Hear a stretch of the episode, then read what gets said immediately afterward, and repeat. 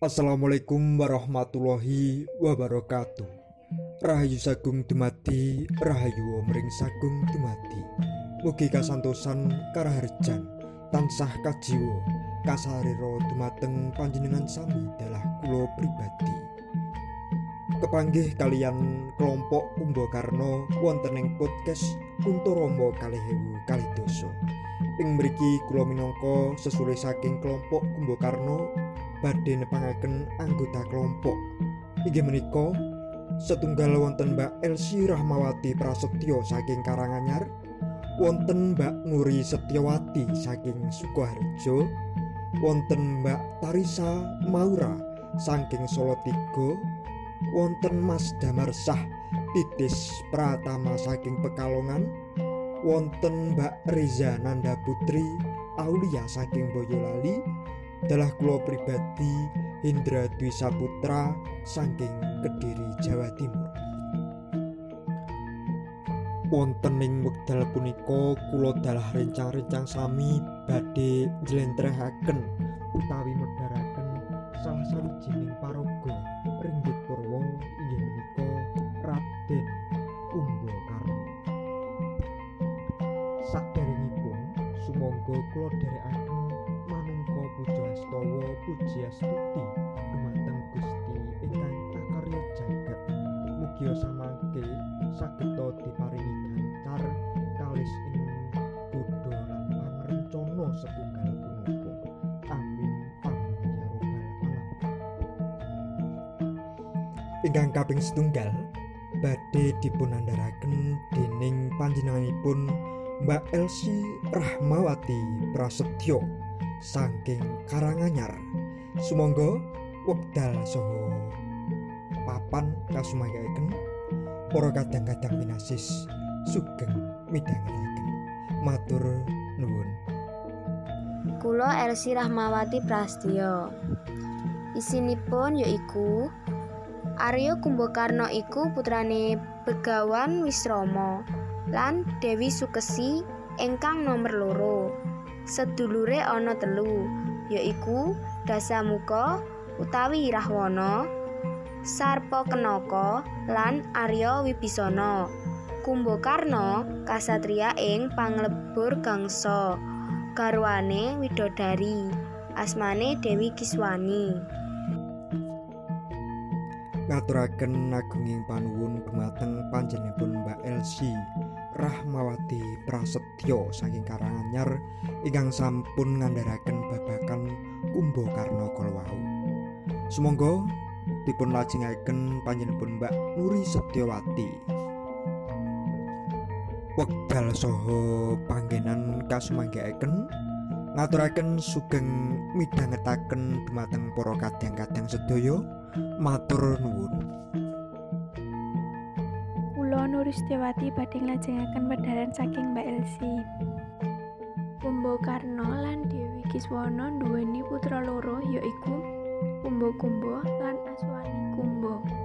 Wujude Kumbakarna iku buta gedhe nganggo mahkota, gedhe dhuwur ora ana kang madani lan katon gegirisi.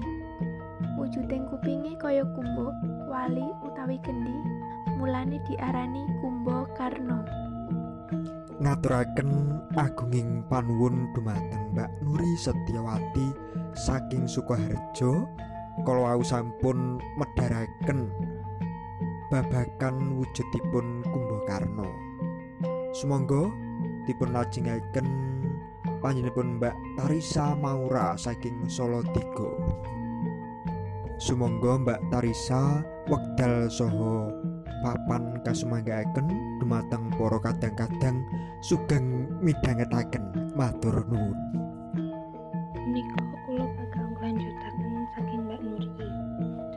Nalika Dasamuka mertapa ing Gunung Gokarna, Kumbakarna ora keri. Sajroning mertapa, uripe Kumbakarna mung sarana banyu, ngecep sarining embun. Awit saka genturing tapane, Kumbakarna karawuhan Bathara Guru. Kumbakarna kaparengake derbe panyuwun lan panyuwune bakal diijabahi. Matur kenging panuwun dumateng Mbak Tarisa Maura saking Solo tiga ingkang kala wau medhareken topo brotonipun Sang Raden Kumbakarna. Sumangga kalajengaken panjenenganipun Mas Damarsah titis pratama saking Pekalongan. Sumangga wedal saha papan kasumanggaken sugeng midhangetaken matur nuwun. satemene para dewa kang nderek tindak Bathara Guru padha ora nyarujuki yen Kumbakarna kaparingan nugraha awit Kumbakarna doyan mangan manungsa wis akeh manungsa brahmana resi widodara widodari dalasan para dewa pisan kang dimangsa dening Kumbakarna. Ngaturaken agenging panuwun dumateng Mas Damarsah titis pratama saking Pekalongan ingkang sampun ngandharaken kala wau Kumbakarna awujud buta nanging anggadhahi sifat kang utama. Matur agenging panuwun sepindah malih Mas. Sumangga kalajengaken dumateng panjenengan Mbak Riza Nanda Putri Aulia wekdal saha panggenan. Kula sumanggaaken para kadang-kadang winasis sugeng midhangetaken. Matur nuwun. Dene kang dadi patuladan saka wayang Kumbakarna ya iku rikala negarane diamuk dening Anoman sawadya balane jalaran dosa muka dusta Dewi Sinta.